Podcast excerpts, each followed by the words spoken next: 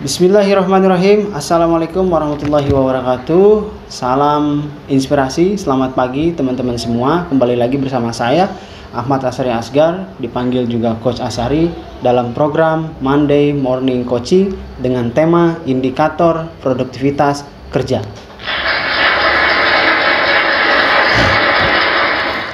Teman-teman semua, ini kita masih bahas tentang pekerjaan ya. Dari episode pertama sampai episode sekarang kita masih bahas tentang pekerjaan. Memang sangat menarik gitu. Kenapa? Kok bisa-bisanya ngebahas tentang kerjaan di masa pandemi? Kalau pandemi itu kan sudah otomatis ya. Kemarin kita ada istilah namanya WFH, uh, work from home, bekerja dari rumah Ya, selama ini kita bekerja di kantor, kemudian pada saat pandemi COVID-19 kita diharuskan bekerja dari rumah. Pertanyaannya, pertanyaannya bagi para uh, pekerja tentunya bagaimana caranya kerja di rumah?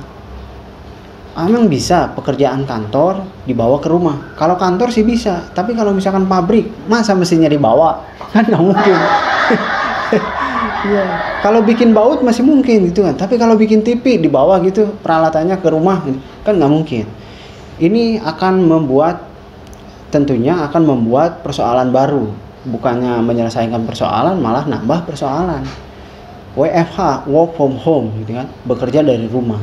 Ya memang pada saat ini kita memasuki area yang namanya Internet of Things gitu kan. Segala macamnya itu melalui internet gitu semuanya diatur, dikondisikan, kemudian dikendalikan oleh media internet. Bisa aja gitu. Tapi lagi-lagi untuk ngecek quality controlnya, QC-nya tetap butuh manusia. Apakah itu sesuai dengan standar ataukah itu memang di bawah standar yang telah ditetapkan oleh uh, divisi produksi misalkan. Teman-teman Semuanya, pada episode kali ini saya akan bahas mengenai indikator produktivitas kerja. Oh, luar biasa ya, indikator produktivitas kerja. Sebetulnya bagaimana sih ya indikator indikator yang menunjukkan bahwa kita itu masih produktif, gitu. masih produktif walaupun di tengah pandemi. Atau sekarang kan kita nggak tahu nih eh, pandemi kapan berakhirnya, kapan e, selesainya nggak tahu juga walaupun vaksin kita dengar di surat kabar kita dengar di media-media surel gitu kan internet bahwa vaksin COVID-19 telah ditemukan tepuk tangan untuk pemerintah dong luar biasa. Sangat luar biasa sangat luar biasa. Nah kali ini adalah indikator produktivitas kerja. Apa aja sih indikator produktivitas kerja? Teman-teman perlu diketahui indikator ini e, bisa jadi bisa jadi diterjemahkan di dalam perusahaan teman-teman diterjemahkan dalam e, kerja teman-teman di kantor misalkan. Itu sebagai KPI atau sebagai e, BSC atau sebut ada lagi yang nyebutnya e, apa? Ini e, apa tuh? Satu lagi KPI BFI ya kalau nggak salah. Eh, behavior dia. Nah, itu sebagai salah satu atau berbagai macam tools untuk mengukur produktivitas seseorang yang bekerja di kantor tersebut. Nah, secara ya, secara normatif, secara normatif saya ingin sampaikan bahwa ada lima indikator. lima indikator produktivitas kerja bagi seseorang yang bekerja. Bagaimana kalau yang tidak bekerja? Ya mana ada indikator mau nggak bekerja mau ada indikatornya gimana urusannya? ya ini begitu ya terima kasih ya yang tepuk tangan. Oke. Okay. Lima indikator produktivitas kerja. Nah yang pertama adalah kalau misalkan teman-teman bekerja secara formal tentu ini akan bersinggungan dengan yang namanya absensi. Emang sekolah doang yang absen, kerjaan juga di absen coy. Hari gini nggak pakai absen. Wih gila. Mana tahu manajemen atau HR gitu kan HR manajemen SDM mana tahu dia ini karyawan masuk apa kagak kalau misalkan nggak di absen. Zaman dulu kalau kerja itu tanda tangan tulis nama tanda tangan gitu kan. Kampus juga sama. Yang paling apa ngeselin kalau misalkan uh, titip absen gitu kan titip absen ya buat tangan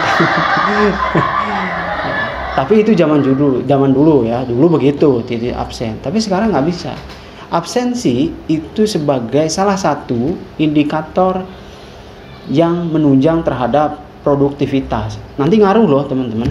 Produktivitas teman-teman di tempat kerja itu akan berimbas kepada apa? Kepada e, penghasilan teman-teman di perusahaan tersebut. Ini sebagai sebagai apa? Sebagai penunjang. Kalau nggak pernah hadir, pengen digaji, ini bahaya. Makan gaji buta, bukan. Karena nggak hadir kalau makan gaji buta masih mending dia kerja tiap hari ada nongol, cuma nggak ngapa-ngapain rebahan gitu kan di kantor rebahan rebahan di rumah dong oke tingkat absensi yang tinggi gimana ya kalau misalkan kita hitung office hour satu hari 8 jam misalkan. Selama sebulan berapa jam? Ya itulah tingkat absensinya. Tapi ada kok tingkat absensi yang di luar itu. Maksudnya gimana? Ya kalau lembur gitu kan di luar jam kantor dong kalau lembur ya kan? Kalau masuk dari pagi sampai sore gitu malam masih juga di kantor gitu kan. Kemudian besok paginya nggak pulang di situ juga setiap hari begitu gitu. Jangan-jangan kantor adalah rumah keduanya atau memang di situ dia ngontraknya. Iya, hati-hati ya. Hati-hati tapi nggak apa-apa. Yang penting kantor sendiri jangan kantor orang lain. Apalagi pulang ambil komputer ditangkap tar sama polisi. Absensi ya. Absensi harus tinggi nih. Tinggi. Setiap hari masuk. Kalau sekarang kan fingerprint atau scan retina kemudian barcode di apa uh, eh, ID ID card gitu. Sekarang sudah canggih nah pada saat WFH tingkat absensi ini bermasalah. Gimana ngukurnya? Ternyata perusahaan itu melakukan apa? Melakukan keluasan. Keluasan memakai teknologi. Caranya mereka menggunakan teknologi yang lebih uh, kreatif lagi inovatif. Berdasarkan GPS misalkan berdasarkan progres pekerjaan. Ya itu salah satu e, berbagai macam e, inovasi perusahaan untuk mengukur tingkat absensi karyawan. Nah, teman-teman pastikan walaupun WFH absensi harus tetap masuk. Sebab ini akan dihitung di akhir periode pekerjaan. Nah, indikator yang kedua, indikator yang kedua adalah tingkat perolehan hasil. Maksudnya apa sih tingkat perolehan hasil? Misalkan gini, teman-teman dikasih project, dikasih program, dikasih kerjaan yang yang memang sesuai dengan kerjaan teman-teman gitu. Sesuai dengan kerjaan teman-teman. Kemudian gimana hasilnya? Hasil itu ada dua kan. Yang pertama sukses, yang kedua gagal. Ya kan wah, ada uh, ada kata-kata yang bilang begini bahwa tidak ada yang namanya kegagalan, yang ada hanyalah belajar. Betul kalau misalnya masih sekolah, kalau masih masih sekolah ya kalau udah bekerja nggak ada di tempat pekerjaan itu belajar karena semakin banyak para karyawan belajar dari kesalahan maka semakin besar keuangan perusahaan yang terpakai nggak efektif nggak efisien nanti bos anda bisa marah-marah woi setiap dikasih project setiap dikasih program nggak bener melulu hasilnya selalu tidak sesuai dengan ekspektasi Nah, teman-teman kalau misalkan tingkat perolehan hasil ini, teman-teman mesti apa? Mesti meningkatkan skill dan kompetensi. Kenapa skill dan kompetensi? Yes, karena hasil yang didapatkan oleh teman-teman itu bergantung pada skill dan kompetensi yang dimiliki oleh teman-teman. Sekali lagi, kalau skill dan kompetensi teman-teman itu sama saja ketika masuk dan pada saat ngegarap project maka teman-teman tidak akan memperoleh hasil yang di luar ekspektasi. Di luar ekspektasi ada dua ya. Di luar ekspektasi itu under performance, ada yang apa? Di luar e, lebih tinggi dari performanya. Artinya performanya peak performance, ada under performance. Kemudian yang ketiga, indikator produktivitas kerja. Yang ketiga nih, yang ketiga adalah kualitas yang dihasilkan oke berhasil nih selesai berhasil tapi nggak berkualitas itu sama dengan STD apa itu STD standar apa itu standar itu kalau sepeda mau berhenti terus nah itu standarnya di situ ya. Oke garing ya. Oke terima kasih. Standar. Standar artinya apa? Ya standar aja. Standar itu menopang menopang aktivitas sesuatu aktivitas yang sudah semestinya. Ya standar ya kualitas hasilnya standar. Maka teman-teman ketika ingin meningkatkan kualitas, tadi kuncinya adalah peningkatan skill dan kompetensi. Gitu. Belajar, belajarnya di mana? Di kantor. Di kantor itu tempatnya bekerja. Belajar di luar kantor dong.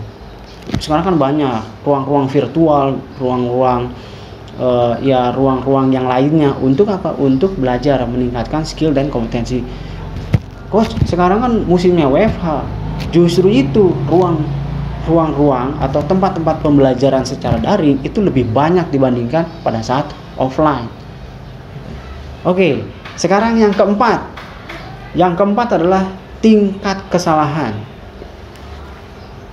Udah hasil, berhasil, kemudian kualitasnya oke okay, gitu kan peak performance kesalahannya banyak sama aja bohong gitu hasilnya bagus kemudian performanya tinggi tapi kesalahannya banyak gitu trial and error nah untuk meminimalisir kesalahan maka teman-teman mesti apa ada dua. Yang pertama tanya ahlinya. Ahlinya di mana? Di dalam kantor. Siapa yang udah pernah dapetin project itu? Siapa yang udah pernah garap program kayak begitu? Maka teman-teman harus nanya, minta dia buat ngajarin. Itu kalau misalkan di dalam kantor. Kalau misalnya, oh, uh, coach nggak ada di kantor saya yang pernah garap program itu. Terus di mana? Ya di luar tanya. Kira-kira siapa? Kira-kira kepada siapa saya bertanya? Apakah pada rumput yang bergoyang? Enggak ya. Kemudian teman-teman semuanya setelah itu yang kelima, yang kelima apa? Waktu yang dibutuhkan. Ini sangat penting karena yang namanya pekerjaan itu ada batas waktunya. Kalau nggak ada batas waktunya, ini bahaya. Teman-teman akan terlena di sebuah pekerjaan atau teman-teman akan terjerumus di zona nyaman di situ aja. Berkembang nggak? Nggak. Pekerjaan ya gitu-gitu aja, project ya gitu-gitu aja. Akhirnya ini akan me demotivasi teman-teman untuk meningkatkan skill dan kompetensi teman-teman sebagai seorang pekerja. Lima indikator ini sangat penting, sangat penting teman-teman semuanya secara normatif gitu. Nanti terjemahannya terserah di kantor gitu kan, tergantung HR-nya mau ke mana. Indikatornya pasti sudah ditetapin, alatnya juga udah udah disiapin. Nah, teman-teman lah yang menyiapkan diri untuk supaya memenuhi indikator-indikator produktivitas kerja. Baik ya, cukup jelas apa yang saya eh, paparkan, apa yang saya jelasin tentang 5 indikator produktivitas kerja. Semoga bermanfaat. Sekian dan terima kasih. Jumpa lagi nanti di program yang lebih seru lagi dengan tema yang lebih up to date lagi dalam program Monday Morning Coaching. Salam inspirasi.